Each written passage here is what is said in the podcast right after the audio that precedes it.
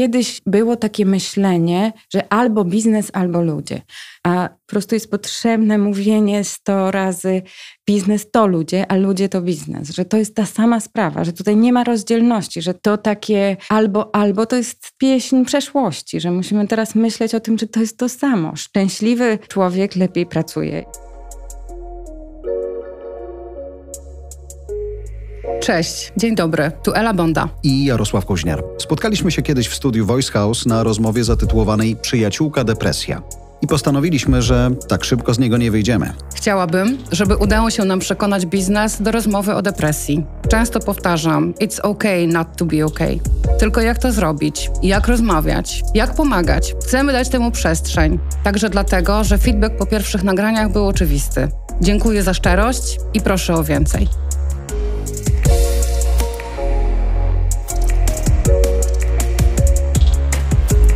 Tym odcinku psycholog Joanna Haider, współautorka publikacji Depresja Twojego pracownika to Twoja sprawa. Wsparcie psychologiczne z perspektywy HR. Asia jest terapeutką, do której depresja też przyszła. Jak sobie z nią radzi? Jak ocenia zmiany w podejściu do depresji w korporacyjnych działach HR? Ile jeszcze jest do zrobienia?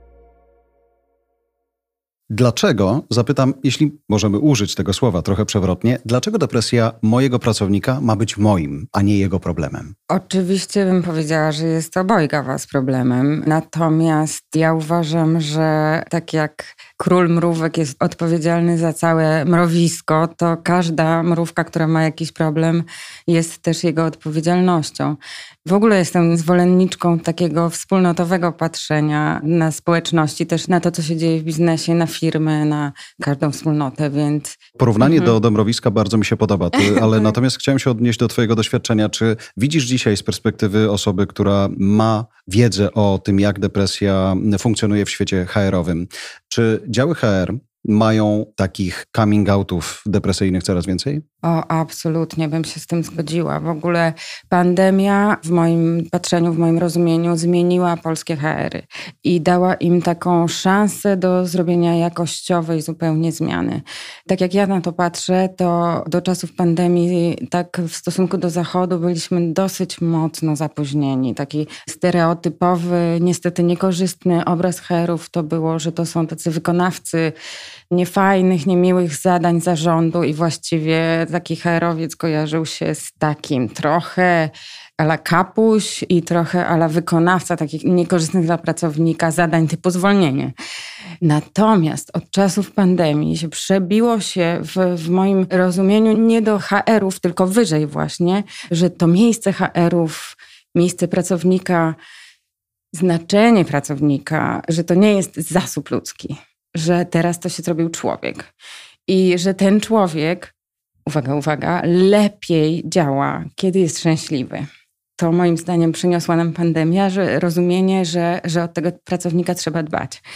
Niby tylko kwestia zmiany semantyki, ale robi robotę. Absolutnie. Ja no właśnie nie jestem pewna, czy to tylko semantyka. Wydaje mi się, że to się tak powoli, powoli przybija tylko wiesz, do semantykę rozumienia. można zmienić w ciągu pandemii, roku, dwóch, ale myślenie, podejście to już jest długo, długoletnia to musi robota. Zostać. Nie? Jak patrzysz na te HR-y, kadry, wiem, że nie lubią bardzo tego e, nazewnictwa.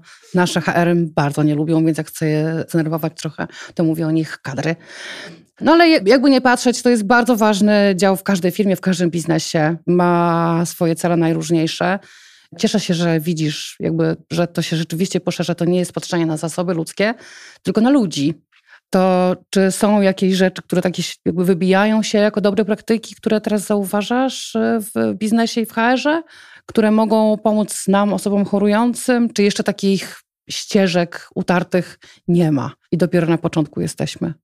Oczywiście, tak jak każdy sprytny student trzeciego roku psychologii, zacznę od to zależy. Odpowiedź na to pytanie zależy od tego, czy jesteśmy w małej, prywatnej firmie, w której właściciel właściwie traktuje ludzi dalej jako niemalże niewolników. Oczywiście nie wszystkie prywatne firmy takie są. Bywają i takie korporacje, ale też dużo korporacji przyniosło w tej chwili bardzo dobre praktyki i właśnie też od momentu tego wybuchu epidemii koronawirusa, mhm. od którego tutaj pewnie nie, nie uciekniemy. Takie praktyki bym wymieniła, że to jest cała taka tendencja do dbania o well-being, mhm. odporność. Mhm. Przez różne warsztaty, różne propozycje dla pracownika powstała taka dosyć ciekawa forma takiej interwencji kryzysowej, czyli że firma oferuje pakiet Employee Assistance Program. Tak, mhm. tak. I z psychologami, z psychiatrami, z coachami, z dietetykami. 360 e, dookoła człowieka. tak, Okej, okay, tak. ale od kiedy zaczęli się tam pojawiać psychologowie czy psychiatrzy w tych pakietach? Bo zwykle to dotyczyło rzeczywiście zupełnie innych rzeczy. Jakby tej sfery emocji rzadziej dotykało, prawda? Od czasów pandemii to jest taka usługa, że możesz kryzysowy telefon wykonać, że jest po prostu zobowiązanie firmy, że, że w jakimś czasie oddzwoni do tego pracownika i pracownik w tym momencie, kiedy potrzebuje, dostanie wsparcie. Słyszymy od naszych gości, że bardzo często to jest ich pierwszy moment styku z psychologiem. Jak na to patrzysz? W ogóle mnie to nie dziwi, co powiedziałeś teraz. Cały czas i też, jak wiesz, to ja też siedzę na fotelu terapeuty. Taki tekst, że pierwszy raz przychodzę do psychologa, taki tekst, że to było bardzo trudne i ileś tam tych ograniczających przekonań człowiek musiał pokonać, no bo cały czas jeszcze pójście do psychologa czy do psychiatry jest postrzegane jako słabość, mhm. kiedy tak naprawdę to jest siła. To prawda? prawda? Oczywiście, że uważam, że pójście do lekarza w ogóle jest siłą. Po pomoc. Po pomoc. Pójście po pomoc. Pójście po pomoc, bardzo. poproszenie o pomoc. Ale jak na moment jeszcze wrócimy, bo będą nas słuchały różne osoby. Będą nas słuchały osoby pracujące w dużych firmach, w takich na przykład jak ja pracuję, gdzie jest też kapitał międzynarodowy, gdzie jest ten head office, który też pomoże i powie co robić, ale będą nas też słuchały osoby, które są w średnich i mniejszych przedsiębiorstwach. I to też są osoby, które po naszych pierwszych nagraniach wracały do nas z informacją, że okej, okay, fajnie, w tym korpo twoim tak się wszystko dzieje, super, no bo jest to właśnie takie duże korpo, macie zasoby, macie pieniądze i macie też trochę inną mentalność, ale ja pracuję w takiej niewielkiej firmie, no i u mnie to w zasadzie zupełnie się o tym nie rozmawia. Jakbyś miała odezwę, motywację do szefów, pracowników tych firm z perspektywy swojego fotela terapeutki, ale też osoby, która rozumie biznes. Co chciałabyś im powiedzieć? No bo ja jestem tylko osobą chorującą, więc nie wiem, tak? Co można zrobić, żeby ich nakłonić do tego, żeby uwierzyli, że to naprawdę jest ważne i to jest inwestycja, którą po prostu trzeba wykonać. Ja do takich, przepraszam, że tak powiem, twardogłowych mam jeden taki argument, który wydaje mi się nie do zbicia. Jeśli masz jakiekolwiek wątpliwości, to zmierz po prostu. Zmierz efektywność i w związku z tym gdzieś na końcu twoje peleny, które ty zarabiasz, zmierz efektywność twojego pracownika wtedy, kiedy jest pozytywnie zmotywowany, szczęśliwy, wypoczęty, naładowany i nastawiony na cel i zmierz wtedy, kiedy tego wszystkiego nie ma, kiedy jest coś wręcz odwrotnego i po prostu sobie to policz. Oczywiście, że jest to myślenie cały czas takie, że pracownika nie można rozpuszczać, no bo on wtedy nie wiadomo, co zrobi, tak? Jak on się wtedy nie wiadomo, jak rozhula. no, będzie dobrze taki... pracował prawdopodobnie wtedy. Właśnie. ale może coś jeszcze będzie chciał. No jest taki strach. Natomiast Natomiast takie myślenie, moim zdaniem, jeszcze obrazuje to takie stare myślenie, że żebym ja mógł zyskać, ty musisz stracić. Okej, okay, czyli to, co takim osobom doradzasz, zmierzyć dane. No jasne. Mhm. No czyli jasne. to u nich jest bardziej problem tego, że patrzą przez pryzmat pieniądza, nie przez pryzmat braku wiedzy? Jedna z moich szefowych, przecież firmy HR-owej, powiedziała mi kiedyś właśnie zresztą o HR-owej funkcji, że ten HR musi być akurat bardziej po stronie biznesu, a nie ludzi. Że kiedyś było takie myślenie, że albo biznes, albo ludzie. A po prostu jest potrzebne mówienie sto razy biznes to ludzie, a ludzie to biznes. Że to jest ta sama sprawa, że tutaj nie ma rozdzielności, że to takie albo, albo to jest pieśń przeszłości, że musimy teraz myśleć o tym, że to jest to samo. Szczęśliwy człowiek lepiej pracuje. Choć i, zakładam, że dla takiego HR-u czy szefa tej firmy, no to jednak może być wyzwaniem wiedza, jak takimi nowymi problemami, które się zadziewają, sobie poradzić, tak? Bo nawet w dużych korporacjach wcale to nie jest oczywiste, że one mają te lekcje odrobione, prawda? Że są jakieś kodeksy, są jakieś procedury, co zrobić, żeby być gotowym w firmie mniejszej, większej na przyjęcie pracowników, którzy otwarcie powiedzą: Mam depresję i chcę pracować. Pomóż mi, żebym mógł to robić. Czy są jakieś takie dobre praktyki? Można by ułożyć takie top 5 tego, co zrobić, żeby takiemu pracownikowi pomóc. Żeby go nie odsyłać na zwolnienie, tylko żeby stworzyć mu komfortowe warunki w pracy, do tego, żeby po przyznaniu się do choroby mógł dalej robić swoje. Po pierwsze, jak pracownik przyzna ci się do choroby, to nie, Możemy nie według... mówić przyzna się do choroby. Mhm. Jakbyście mogli oboje cofnąć się, przyzna się do choroby, tylko powie o swojej Dobra. chorobie. Powie o Dobrze. chorobie. Mhm. Bardzo dobra uwaga, dziękuję Ci za nią. Więc jeśli pracownik poinformuje o chorobie, to zwolnienie go by było przeciwko prawu pracy. Tak? To jest pierwsza rzecz, którą chcę powiedzieć, że to by była dyskryminacja ze względu na chorobę i to jakby jest Kodeksowo nie można robić po prostu. dokładnie, Mhm. dokładnie. Jeśli się leczy, jeśli poszedł na L4, to jest chroniony. I to jest od strony prawa, chcę to powiedzieć. Natomiast oprócz prawa, myślę, że jest jeszcze taka menedżerska strona tego, jak później zarządzić taką osobą z depresją, no bo też jeśli wróci do pracy, jeśli podejmie swoje obowiązki, no to też jako menedżer chcesz, żeby ona te obowiązki wykonywała przynajmniej tak jak wcześniej. Żeby to utrudnienie przez chorobę było oczywiście jak najmniejsze. Więc jakby jedna rzecz jest kodeksowa, druga rzecz jest, myślę, menedżerska.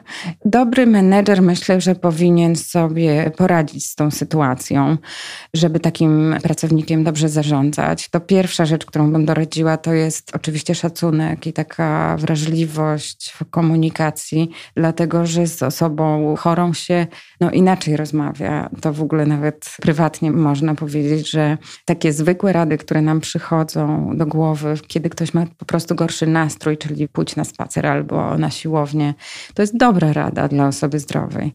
Natomiast dla osoby z depresją to jest jakby dodać dodatkowy kilogram do plecaka, który ona i tak już Albo 10. albo 10 Mhm. do plecaka, który ona i tak już nosi na, na plecach. Więc pierwsza dobra praktyka to jest szacunek. Jak zwykle bardzo dobra i też taka ogólna rada to jest rozmowa, rozmowa, rozmowa. Ustalenie realnego planu uwzględniającego to, jakie w tej chwili ta osoba przeżywa trudności. I potem konsekwentne monitorowanie tego, co się dzieje. To też chciałem Ciebie, Elu, i Ciebie, Asiu, zapytać jednocześnie. Jeżeli my dzisiaj mówimy, że ci menadżerowie, którzy no właśnie powinni umieć rozpoznawać, że u ich pracowników może pojawić się czy rozwijać się depresja, że oni powinni umieć ogarnąć jakoś ten temat, nie? Jaką powinni mieć wiedzę jeszcze, poza tym, co już położyliśmy na stole, żeby dobrze tym zarządzić, żeby ewentualnie skierować w odpowiednie miejsce, żeby przygotować to miejsce pracy, żeby przygotować pozostałych członków Mhm. zespołu do tego, żeby to się w sumie udawało. Ja jako praktyk się Mm. wypowiem, chorujący i opiekujący się również zespołami.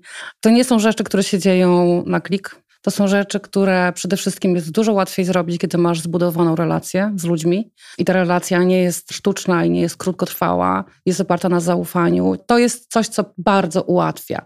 Jak znasz osobę, to łatwiej jest wyłapać no, niekoniecznie symptomy, które ja będę jako laik w stanie rozpoznać, bo ja nie jestem terapeutą ani psychiatrą.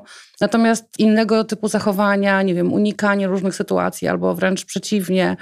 I to jest kwestia tego, żeby rozmawiać ze sobą, tak, zapytać, co się dzieje, bo czasami to będzie tak, że to rzeczywiście to będzie ten strzał, że ta osoba potrzebuje pomocy w zakresie terapeutycznym czy psychiatrycznym, a czasami to będzie tak, że na przykład, nie wiem, no ma po prostu gorszy dzień, albo na przykład pomylimy się i wcale tak nie jest, jaki jest nasz odbiór. Tu myślę o tym ewentualnym strachu przed tym, że właśnie moglibyśmy się pomylić, nie? Że jeżeli my... So what? No okej, no dobrze, jeśli ona, mi, ona źle oceniona mi wybaczy, so what? No so what? No jakby wiesz, no ja wolę zapytać i narazić się na tą śmieszność, niż nie zapytać i ewentualnie niestety coś przeoczyć. Nie wiem, czy ty, Asiu, się zgodzisz, czy masz zupełnie inne pomysły? Przede wszystkim bym powiedziała, że szczególnie jeśli się wchodzi w rozmowę w ten sposób, jak ty ewidentnie wchodzisz, czyli z szacunkiem, wrażliwością, bez oceniania, to co się może stać? Jak pytasz, to co się może stać? No to jest tylko pytanie i tylko otwarcie Dokładnie. przestrzeni do tego, żeby porozmawiać, to co się może stać? Masz takie poczucie, że HR-y chcą się uczyć, bo zderzają się z problemem, więc szukają tej wiedzy, chcą wiedzieć, co zrobić, potrafią coraz więcej, jest coraz więcej narzędzi, coraz więcej świadomości. Czy jest taki podział wciąż? Ela mówiła o mniejszych, większych firmach, ale też mam poczucie takie, że jeśli mówimy o międzynarodowych korporacjach, które mają globalnie pewne rzeczy wypracowane, pewne rzeczy wcześniej się zadziały gdzieś, więc można przenieść tą wiedzę do Polski, to tam to wygląda trochę inaczej. Jak to dzisiaj z poziomu twojej wiedzy wygląda? Co te HR-y tak naprawdę wiedzą, a czego wciąż Jeśli chodzi o taką wiedzę psychologiczną, to jeszcze cały czas bym widziała e, duże pole do tego, żeby się douczać, żeby się rozwijać, żeby też się uwrażliwiać, bo też te biedne już tutaj obgadywane HR-y często e, czeka. często mają tyle zadań i, i, też no nie zawsze w tej pozycji możesz tę swoją wrażliwość tak naprawdę pielęgnować. Czyli tak, mamy biznes do zrobienia, więc zostaw wrażliwość przed drzwiami, tak? No niestety, mhm. niestety to no, w Przy zasobach ludzkich to właściwie dobre, nie? Ale już przy człowieku gorzej. Dokładnie. Chciałam jeszcze tylko tak, żeby to wybrzmiało do końca, że to, co się obserwuje właśnie, jak już masz się tą, szczególnie tą dobrą relację, że to, co wyłapujesz, to jest zmiana. Mhm. Czyli, że jeśli człowiek no, funkcjonował w jakiś sposób i sygnalizuje zmianę, on te zmiany może na wiele sposobów, sposobów mhm. tak. I też przez na przykład zmianę efektywności swojej. Tak, to prawda. No to jest akurat takie bardzo oczywiste, ta zmiana efektywności. Myślę też, że ona, przynajmniej z mojego doświadczenia, nie przychodzi jako pierwsza, tylko przychodzi później, bo jak już jest zmiana efektywności, szczególnie u osoby, która była wydajna wcześniej, dawała z siebie dużo i osiągała super efekty, to najczęściej już jakieś właśnie sygnały widać wcześniej. Natomiast no, ja zawsze będę zwolenniczką tego, żeby po prostu ze sobą rozmawiać, zwyczajnie po prostu ze sobą rozmawiać. What the worst could happen, to jest coś, co mi przyświeca zawsze w takich momentach, no bo tak naprawdę okazujesz troskę, nic więcej, nic mniej, nic więcej, to jest, no to jest dobro, no nie da się tam... Tak, i to brzmi prosto i do zastosowania tak o, natomiast mówimy tutaj o pewnej zmianie podejścia takiego fundamentalnego, prawda? Nawet gdybyśmy się mieli uczepić na chwilę COVID-u, kiedy on wchodzi i mówi, słuchajcie, więcej empatii, więcej człowieka i tak już pewnie zostanie na jakiś czas. Oby. Chórem powiedziały Asia i Ela. Oby. Ja mam nadzieję, że tak właśnie będzie. Asiu, a co ty byś doradzała firmom, mniejszym, większym, HR-om, biznesom, jako terapeuta? Myśląc właśnie o tym, o czym nie wiem, czy Jarek chciał powiedzieć, albo nie wybrzmiało, że mamy tego COVID-a, jest teraz właśnie tak, bądźmy wobec siebie bardzo empatyczni, troszczmy się o siebie, no ale daj ktokolwiek, ten COVID się pewnie skończy. No i może wtedy znowu się oskurujemy z tej empatii wszystkich dobrych rzeczy i będziemy znowu chcieli nadrobić jeszcze w ogóle i będziemy... Jeszcze bardziej. Stniemy się znowu na powrót szorstcy. To co ty myślisz, że te firmy powinny zrobić? Żeby zatrzymać w sobie ten taki punkt czułości, jak tak może nazwie poetycko, który teraz się pojawił razem z COVID-em, który no benefitem może jest tego COVID-a, może nie do końca benefitem, no ale jednak teraz rozkwitł, tak? I ta czułość i troska, przynajmniej tak ja u siebie widzę w firmie to i słyszę też od znajomych pracujących i w tych mniejszych i w tych większych firmach jednak, że coś się zmieniło, że coś się zmienia. Jak to utrzymać? Wiesz, no ja jestem taką optymistką, że jednak jak coś właśnie działa i jak coś już poszło w dobrą stronę, to ma szansę się utrzymać, szczególnie jeśli, jeśli właśnie to nie zaburzyło tej efektywności. Więc no ja cały czas będę powtarzać to samo, czyli że szczęście de facto i efektywność idą w parze, a nie są do siebie kontra.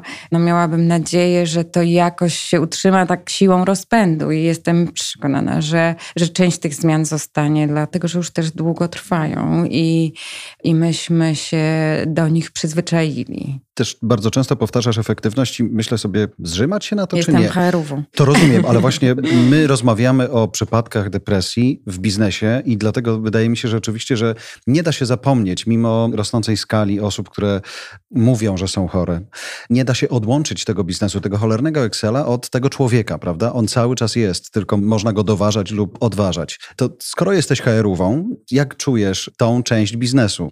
Ile ona jeszcze potrzebuje wiedzy albo czegoś innego, żeby skuteczniej zajmować się osobami, które ujawniły taką chorobę? Nie chcę też brzmieć jak właśnie nierealna optymistka, więc bardzo dobrze wiem, że też tej wrażliwości często brakuje i zdecydowanie obserwuję firmy bardziej zorientowane na relacje, czy bardziej zorientowane na zadania. I wtedy rzeczywiście jest taki moment, że niestety właśnie firma sobie waży, tak, długo czy krótkookresowo tę skuteczność czy efektywność. Dzisiaj najczęściej krótko okresowo?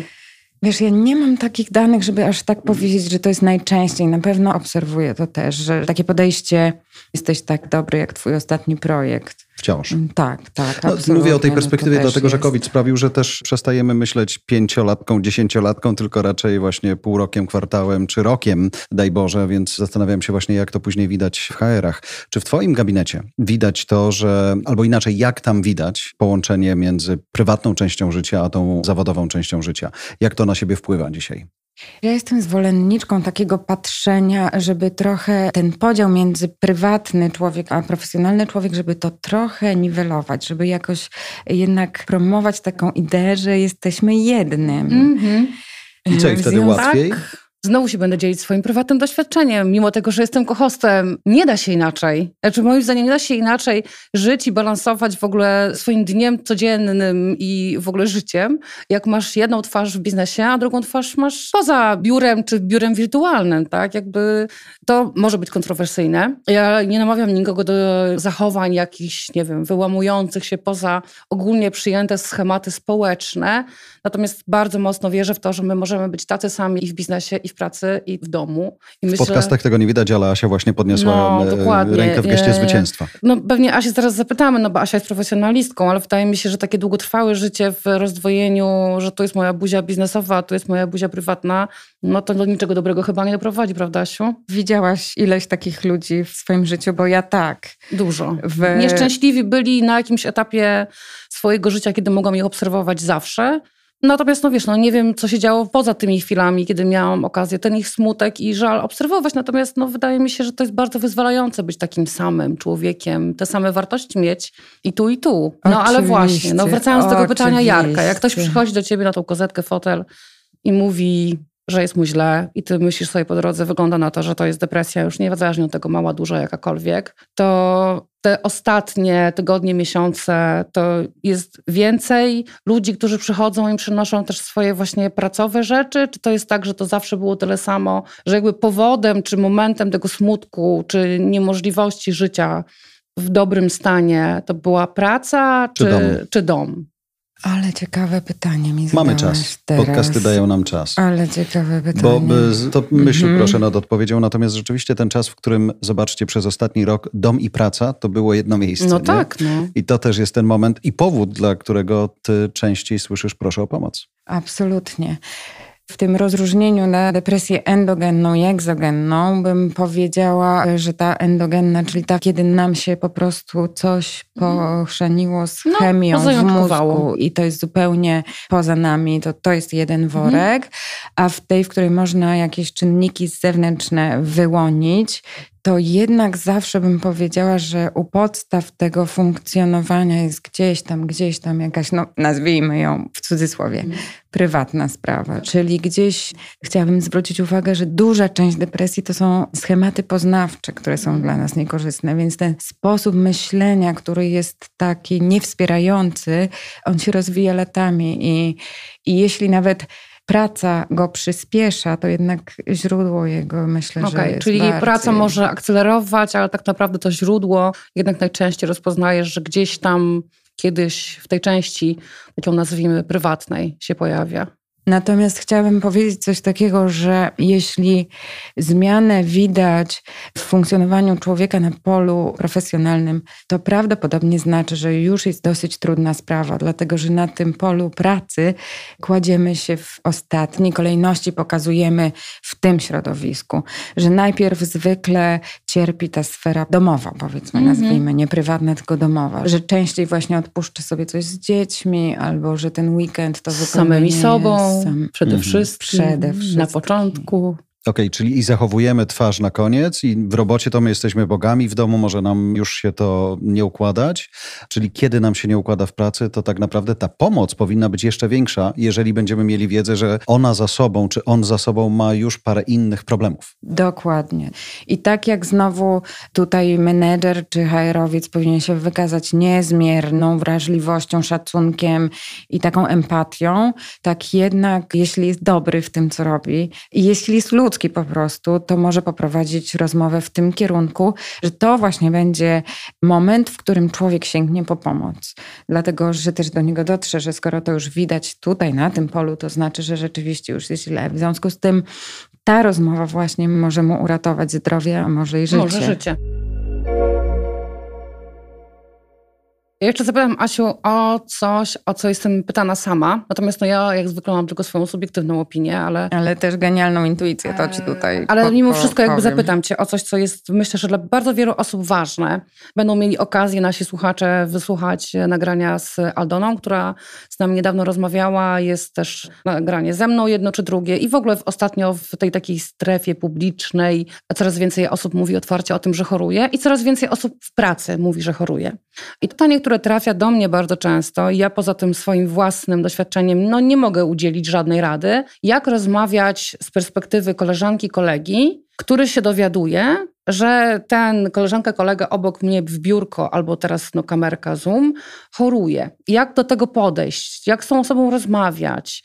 Ja wiem, co ja mówię wtedy, ale jestem bardzo ciekawa, co ty doradziłabyś takiej osobie, która z troską myśli o tej osobie chorującej. Co zrobić? To zależy oczywiście od bliskości tej relacji, od, od tego, jak się do siebie macie i od tego też, co chcesz osiągnąć. Zawsze uważam, że warto sobie, zanim się coś zrobi, odpowiedzieć na pytanie, po co chcę to zrobić. I to, co bym powiedziała, no to jest to, że żeby pamiętać, że to jest choroba. Tak? Czyli, że ten człowiek, który siedzi przed tobą, to jest ten sam człowiek, który był do tej pory, natomiast w tej chwili on pokazuje symptomy choroby, on, ona. Przy tych psychicznych zaburzeniach szczególnie trudno zrobić, dlatego że przejawia się przez te same zachowania, prawda? Więc często jest to trudno oddzielić człowieka od tej choroby. Natomiast właśnie jeśli to zrobisz, no to myślę, że potem już serce i rozum cię poprowadzi tam, gdzie trzeba. To o jedną rzecz też chciałem zapytać z kolei ze swojej perspektywy. Słyszałem takie głosy na końcu pandemii, że teraz ten menadżer, ten, który ma swoje zespoły, on musi wejść w rolę psychologa. Takiego psychoterapeuty musi mieć te skille, musi mieć te umiejętności, musi rozpoznać, musi to przetrawić. Tylko i tu do ciebie pytanie, jesteś psychologiem i masz swojego superwizora. On nie jest psychologiem, więc nie ma swojego superwizora. Mu się to zbiera, zbiera, zbiera, a szlak może trafić także jego. Ty jesteś osobą w trakcie choroby czy po? Jak to jest? Ja jestem osobą, która ma taką nawracającą depresję i w tej chwili jestem w trakcie leczenia. No i właśnie funkcjonuję tak, jak funkcjonuję, między innymi dlatego, że jestem na lekach i jakby polecam. polecam ja naprawdę. Polecam, polecam i, i terapię, i polecam i leki. Wtedy, kiedy potrzebujesz pomocy, to po nią sięgnij wracając do Twojego pytania, akurat bym się nie do końca zgodziła z tym, że menadżer powinien być psychologiem, że jednak ten psychologiczny sposób rozmowy i wytwarzane zaufanie w tym gabinecie to jest bardzo szczególny rodzaj zaufania. I jednak tutaj bym trzymała ten kontekst. Czyli raczej on jest tym, który firmowy. odbiera sygnał i pomaga w znalezieniu pomocy. Absolutnie tak. To po prostu absolutnie tak. Wyślij do profesjonalisty, nie no, Przede wszystkim profesjonalisty. Wydaje mi się, że to jest bardzo ważne, żeby zauważyć, bo nawet jakby to zaufanie ono może istnieć między menadżerem a pracownikiem, między kimkolwiek a kimkolwiek. Natomiast ja jako menadżerka swoich zespołów totalnie, absolutnie nie postawiłabym się przenigdy w miejscu, nie wiem, psychologa, terapeuty, kogokolwiek. Mimo, że masz wiedzę. Jakąś, Ale ja prawda? mam jaką wiedzę. No ja mam, oczywiście, jestem Większą oczytana, oczywiście, no, tak. no jestem oczytana, sama choruję i tak dalej, więc można myśleć, że, że wiem. że wiem. Albo na przykład, tak jak Asia, bardzo Ci dziękuję, mówi, że mam intuicję. Super, świetnie, ale nadal to wszystko nie robi za mnie człowieka, który miał, ile tam, pięć lat się studiuje, tak? Pewnie jeszcze... Pięć lat się studiuje, później się no, cztery lata jeszcze dokładnie. szkoli. No nie ma tego. To są rzeczy, wiesz, no relacja terapeutyczna jest też po coś, tak? To nie jest tylko po to, żeby sobie pogadać w zaufaniu, tak? To tam są procesy terapeutyczne bardzo głębokie. I jeszcze o siebie musisz dbać w tej relacji, bo dokładnie. czy na pewno chcesz wziąć i chcesz usłyszeć to wszystko, co ewentualnie możesz usłyszeć. Tak. To I to też jest, jest e, to też, ale jakby to wracając do tego, co ty powiedziałeś, to jest bardzo ważne, Myślę, że też dla biznesu, żeby zrozumiał i może HR właśnie poprosił o pomoc, Wiem, że no, u nas akurat taki program już trwa. Wierzę, że w innych miejscach również to będzie jakby to taki kolejny krok, właśnie, żeby zadbać o tego menedżera, na którym dużo bardzo się odkłada ostatnio, szczególnie w ostatnich miesiącach. O to mi właśnie chodziło, ale też nie chcę użyć słowa wykorzystam, ale na potrzeby rozmowy. Powiedziałaś, że jesteś osobą, której choroba wraca. I teraz sama sobie nie możesz pomóc, prawda? Żeby właśnie chodziło mi o to, żeby pokazać, że to nie jest do przepracowania. Możesz być super menadżerem, możesz przyjąć bardzo dużo trudnych rozmów od swoich pracowników, ale musisz to komuś oddać, bo sam sobie z tym nie poradzisz. To nawet nie będzie wskazane. Oczywiście. I to znowu nie jest objaw Słabości. słabości, to jest Mhm. objaw siły i mądrości. Łatwo jest dzisiaj ludziom przyjąć to. Mi się wydaje, że to jest bardzo naturalne wytłumaczenie. Nie myśl o sobie, jestem słaby, bo przyszedłem się przed tobą otworzyć. Pomyśl o sobie, to jest twoja siła, że przyszedłeś tutaj do mnie dzisiaj do gabinetu. Czy łatwo jest to ludziom Ja przyjąć? cały czas obserwuję, że nie, że zupełnie nie, że takie tradycyjny, taki etos, jaki mamy, to jest właśnie bądź silny, Nie przyznawaj nie, nie się. swój krzyż, w cudzysłowie oczywiście, i tak no cierp, bądź dzielny, że to jest bardzo, bardzo cały czas silne. Myślę, że to, co powiedziała też Asia, że nie smuć się, idź się przejść, albo e, bądź silny, to są cenne uwagi dla kogoś, kto jest zdrowy, ale, ma nie- zasoby. Tak, ale nie są No zupełnie tak. dla ludzi, którzy e, tak, mają tak. objawy choroby. Wiecie, no to są wszystko bardzo ważne i mądre rzeczy, tak? Weź się za sport, za dietę, żyj higienicznie, no to są bardzo mądre rzeczy. Tylko nie w tym kontekście. E, tylko dla osoby chorującej i myślę, że dla osoby, szczególnie osoby chorującej psychicznie, która nie ma zasobów na to, no to nie jest przysłowiowe, żeby wstać z łóżka nie ma zasobów, tylko naprawdę są momenty, kiedy i są dni, kiedy nie masz siły wstać z tego łóżka i pójść umyć zęby. Więc powiedzenie, że weź się, zajmij się i e, pójdź na dietę albo idź no nie, no po prostu się nie da. Jakby dodatkowo na to się nakłada często, tak jak słyszę i u mnie na przykład też tak było, dodatkowe poczucie winy, że no ja nie potrafię tego zrobić. Oczywiście, No. to jest właśnie to, co się dzieje z osobą chorą na depresję. Jeśli dostaje takiego typu rady, to jest właśnie ten dodatkowy kilogram. Lub 10. e, Lub w ogóle 10, 10. no. Ja nawet dzisiaj na treningu o 7.30 myślałam sobie o tej naszej rozmowie i myślałam sobie właśnie, że jak pół roku temu byłam w bardzo kiepskim stanie i ten trening był po prostu niemożliwy. I dzisiaj oczywiście on mi pomaga dodatkowo wychodzić z choroby, ale jednak początek tego wychodzenia musiał być w gabinecie psychoterapeuty, który zresztą odesłał mnie do psychiatry po leki. I to też jest kolejna blokada w nie wiem, czy polskiej tylko głowie, czy w ogóle w głowach, że kolejna jakby jest psycholog, ale jeszcze gorszy, w cudzysłowie Tak, gorszy dokładnie. jest psychiatra. To stopniowanie jest absurdalne, nie? Że to jest, ja jestem na psychoterapii, o to super, fajnie, że się odważyłeś. Jestem u psychiatry i już jest takie, odejdę dwa kroki obok, nie? Bo nie wiem, co tu się zadzieje. No terapia bywa postrzegana jako modna, tak? Są też osoby, z którymi zdarzyło mi się rozmawiać, które gdzieś tam równoważyły na przykład terapię u klasycznego terapeuty, już niezależnie w jakim nurcie, z biznesowym coachingiem, a niektórzy nawet z mentoringiem. No wiecie, no to są zupełnie różne procesy i różnego rodzaju potrzebują osób do tego, żeby się nimi zaopiekować, ale też nie porównujmy choroby czy potrzeby no, zaopiekowania się jakimś stanem chorobowym do na przykład rozwoju zawodowego w coachingu. No to są zupełnie dwie różne rzeczy, więc myślę, że będziemy do tego wracali jeszcze w naszych nagraniach, bo to jest też temat, który nam bardzo często wyrastał w pytaniach, ale też w komentarzach. Zdarzało się, że pisały nam osoby właśnie, że no tam terapia super, leki super, ale tutaj jest coś tam, biznes, jakiś tam proces właśnie AK coachingowy I wyjdzie który w ogóle tak, który nam pomoże wyjść na prostą. Więc ja tutaj, Aś, właśnie ciebie jeszcze chciałam zapytać, czy miałaś takie obserwacje albo widziałaś w swojej praktyce, czy zawodowej, jednej czy drugiej, czy biznesowej, czy terapeutycznej, gdzie widziałaś właśnie takie quasi-terapeutyczno-coachingowo twory, które miały pomóc właśnie wejść na ścieżkę dobrostanu.